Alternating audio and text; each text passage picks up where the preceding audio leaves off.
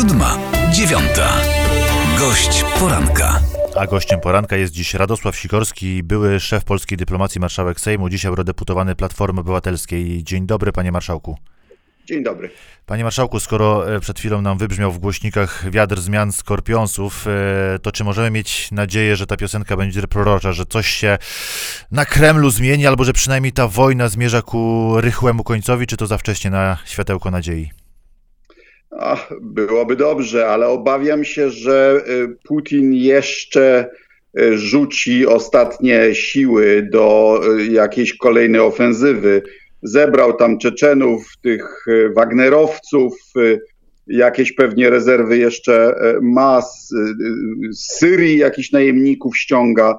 Więc myślę, że jeszcze jeden szturm co najmniej Ukraina ma przed sobą. A czy możemy mieć e, jakiekolwiek, wiązać jakiekolwiek nadzieje z tymi rozmowami, które są toczone i na linii e, Rosja-Ukraina, te tury i wirtualne i w Puszczy Białowieskiej, ale też te rozmowy gdzieś e, ponad głowami między innymi kanclerza Scholza czy prezydenta Macrona z Putinem? Czy to są tylko jakieś pro, prowizoryczne, pozorne działania?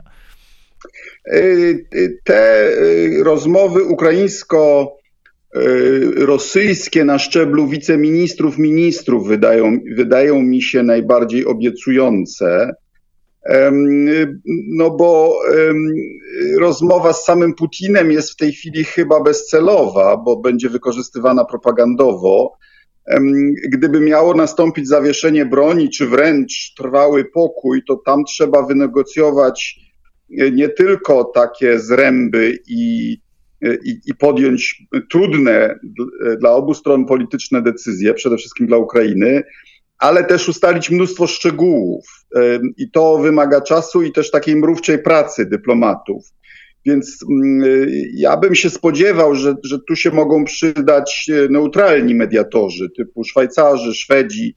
No ale gdyby się Rosjano, e, Ukraińcom udało to uzgodnić z samymi Rosjanami, no to, to, to, tym lepiej. A czy jest e, możliwe, na ile to jest e, prawdziwa relacja ambasadora Ukrainy, który dzisiaj rano w TVN24 mówił, że, że strona rosyjska w trakcie negocjacji sprawiała wrażenie, jakby nie miała świadomości dzięki Kremlowi, co tak naprawdę się dzieje na Ukrainie i że dopiero po uświadomieniu przez Ukraińców zaczęli główkować, co dalej. O, wydaje mi się, że to jest w, ogóle jedna z przyczyn tej wojny, że Putin, Rosjanie uwierzyli we własną propagandę w kilku tematach.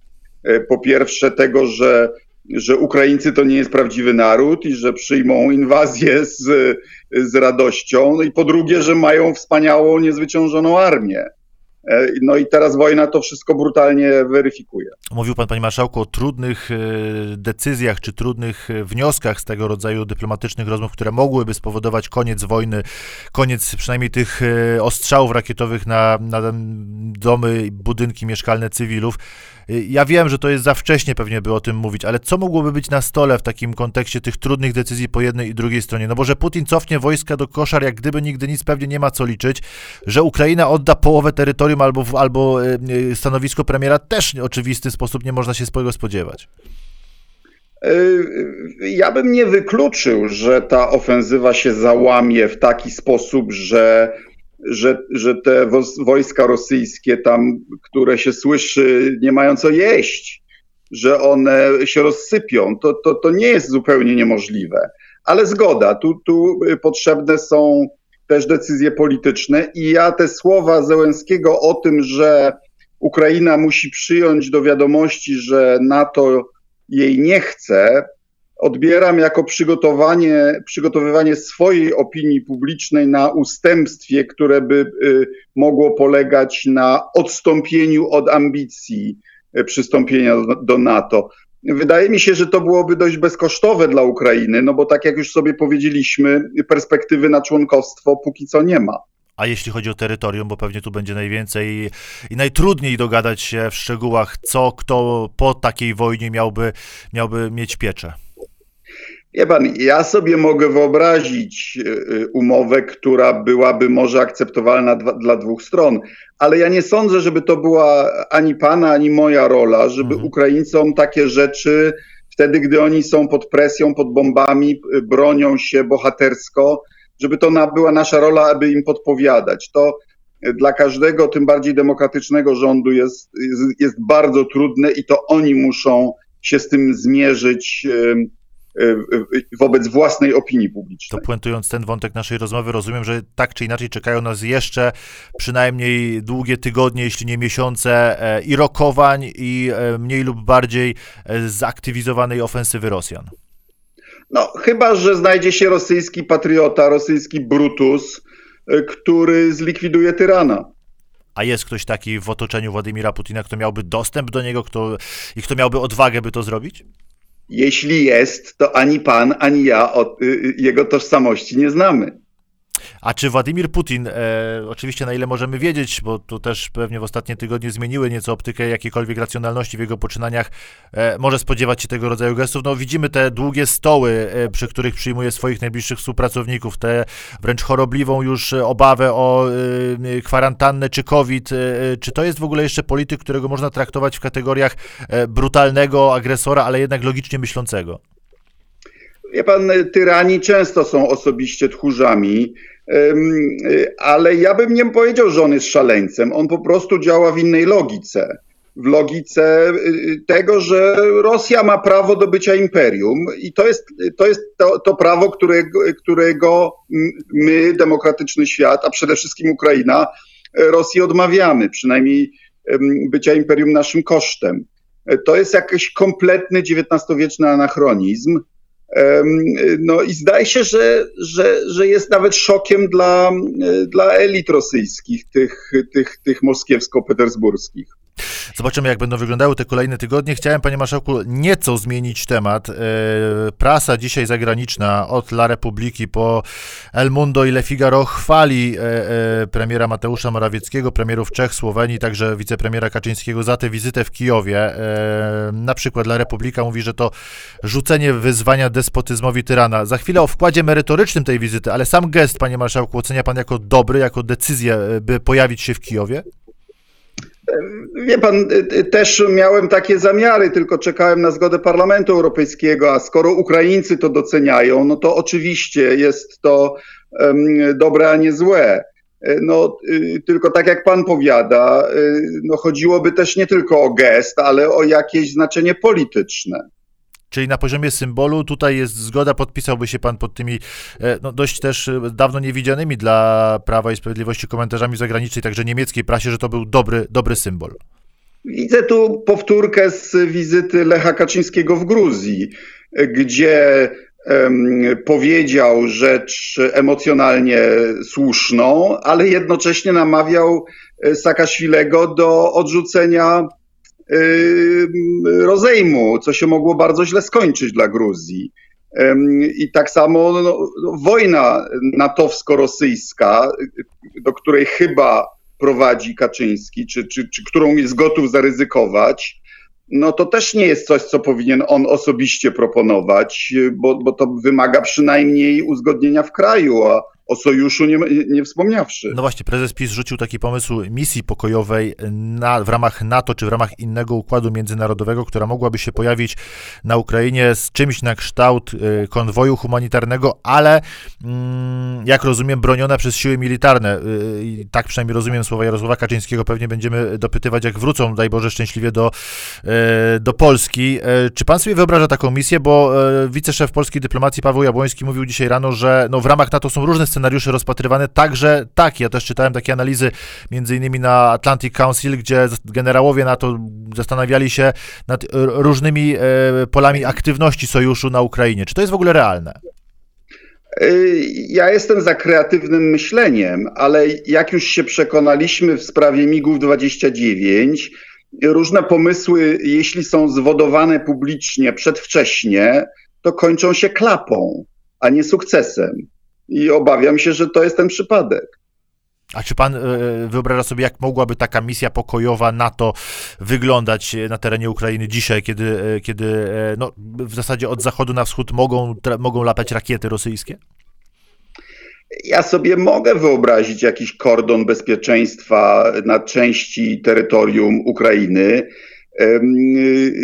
No tylko, że to jest bardzo delikatna kwestia i, i, i wolałbym, żeby one były najpierw poufnie przedyskutowywane w Sojuszu Północnoatlantyckim, bo misje pokojowe to raczej domena ONZ-u, a tam Rosja ma prawo weta w Radzie Bezpieczeństwa. Zresztą status Rosji w Radzie Bezpieczeństwa to jest coś, co powinniśmy podnosić, bo ten status nie, status nie powinien być takim pretekstem do bezkarności, do, do, do, do podbijania krajów. Więc uważam, że tego typu propozycje i misje powinny być uzgadniane w w gronach sojuszniczych.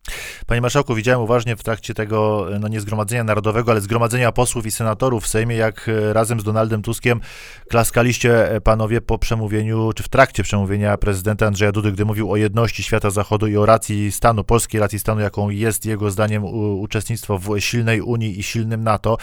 E, czy dzisiaj też powiedziałby pan, albo takie przybił symboliczne brawo na pomysł z wizytą prezydenta Dudy w Turcji, bo dzisiaj wizyta w Ankarze. E, tak, klaskaliśmy, gdy prezydent powiedział to, co my mówimy od y, wielu lat, że członkostwo w Unii Europejskiej jest dla naszego bezpieczeństwa i zakorzenienia cywilizacyjnego równie ważne, co członkostwo w NATO. Tylko teraz czekamy, żeby za słowami prezydenta poszły czyny. Wygaszenie wojenki z Unią, wypełnienie wyroków Trybunału Sprawiedliwości y, i otrzymanie przez Polskę wsparcia, zarówno dla uchodźców bezwarunkowego, y, jak i krajowego planu odbudowy. I tak, uważam, że rozmowy z Turcją, mimo to, że ma największą ilość dziennikarzy y, we więzieniach i mimo, że z praworządnością ma jeszcze większe problemy niż Polska, jest dobrym ruchem, bo, Ros bo Turcja opowiedziała się po stronie Ukrainy w tym konflikcie i to nie tylko um, słownie, ale dostarczając je, jej um, drony Bayraktar, które okazują się skuteczne na polu bitwy. Panie marszałku, pan y, ma absolutnie duże doświadczenie, jeśli chodzi o dyplomację, jeśli chodzi o relacje międzynarodowe. Co by dzisiaj pan powiedział Polakom, którzy w kolejkach, e, na jarmarkach, na targach, e, w sklepach zastanawiają się, czy jeśli e, Putinowi przyszłoby do głowy sprawdzić ten artykuł 5 NATO i na przykład zaatakować Polskę, to możemy być pewni, że NATO zareaguje tak, jak obiecuje, że zareaguje, bo wie pan, jakie są u nas skojarzenia, jeśli chodzi o gwarancję świata zachodu. Historia nas, nasze pokolenia dziadków, pradziadków doświadczyła bardzo boleśnie pod tym względem. No, przede wszystkim e, e, dziękujmy tym polskim politykom, którzy wykorzystali okienko strategiczne w latach 90. i Polskę do NATO wprowadzili. I to byli politycy różnych obozów politycznych, co, co wreszcie zauważył prezydent Duda w swoim przemówieniu. Ale po drugie, e, zgoda, mamy powody do sceptycyzmu co do ustnych czy pisemnych gwarancji, ale tym razem one są wsparte obecnością 82. Dywizji Powietrzno-Desantowej Stanów Zjednoczonych. Już jest 10 tysięcy amerykańskiego wojska w drodze rakiety Patriot, a, a w przyszłym tygodniu być może prezydent Stanów Zjednoczonych w Polsce potwierdzający te gwarancje. Więc no, to jest ta różnica między pozycją Polski a Ukrainy, że my jesteśmy w NATO, a oni nie zdążyli. A czy takie wizyty jak Kamali Harris, czy właśnie zapowiadana na razie nieoficjalnie Joe Bidena, e, oprócz tego symbolicznego wymiaru, mają też polityczne znaczenie, takie realne, konkretne? Tak, bardzo ważne, bo odstraszają Putina. Uświadamiają Putinowi i jego generałom, że e, terytorium NATO będzie bronione i wara od, od tego terytorium.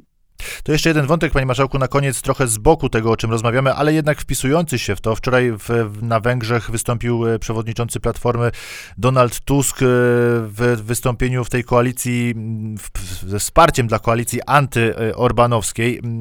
Politycy e, Solidarnej Polski między innymi wypominają zdjęcie z szefem Jobbiku, który to no, był nazywany chyba też nie bez powodu neofaszystowską organizacją. Czy to jest tak, że pewne rachunki krzywd można zapomnieć? Czy z czym tak naprawdę Donald Tusk pojawił się w Budapeszcie? E, no tam e, e, zjednoczyła się opozycja. Rzeczywiście to jest tak, jakby u nas do opozycji, zresztą w niektórych sprawach, przypominam, przystępuje Konfederacja, chociażby w sprawie inwigilacji systemem Pegasus, prawda? Y, y, ale Jobbik zdaje się bardziej ewoluował do centrum niż nasza konfederacja. Więc wydaje mi się, że to, to spotkanie całkiem uzasadnione. Ty, tym bardziej, że Orban no, i przepuszcza rosyjski sprzęt wojskowy do Serbii i nie przepuszcza pomocy wojskowej Zachodu dla Ukrainy. No to tym bardziej pilne jest odsunięcie go od władzy. Radosław Sikorski, eurodeputowany Platformy, były szef polskiej dyplomacji. Dziękuję pięknie, panie marszałku. Dobrego, spokojnego dnia. Dziękuję nawzajem. Siódma, dziewiąta. Gość poranka.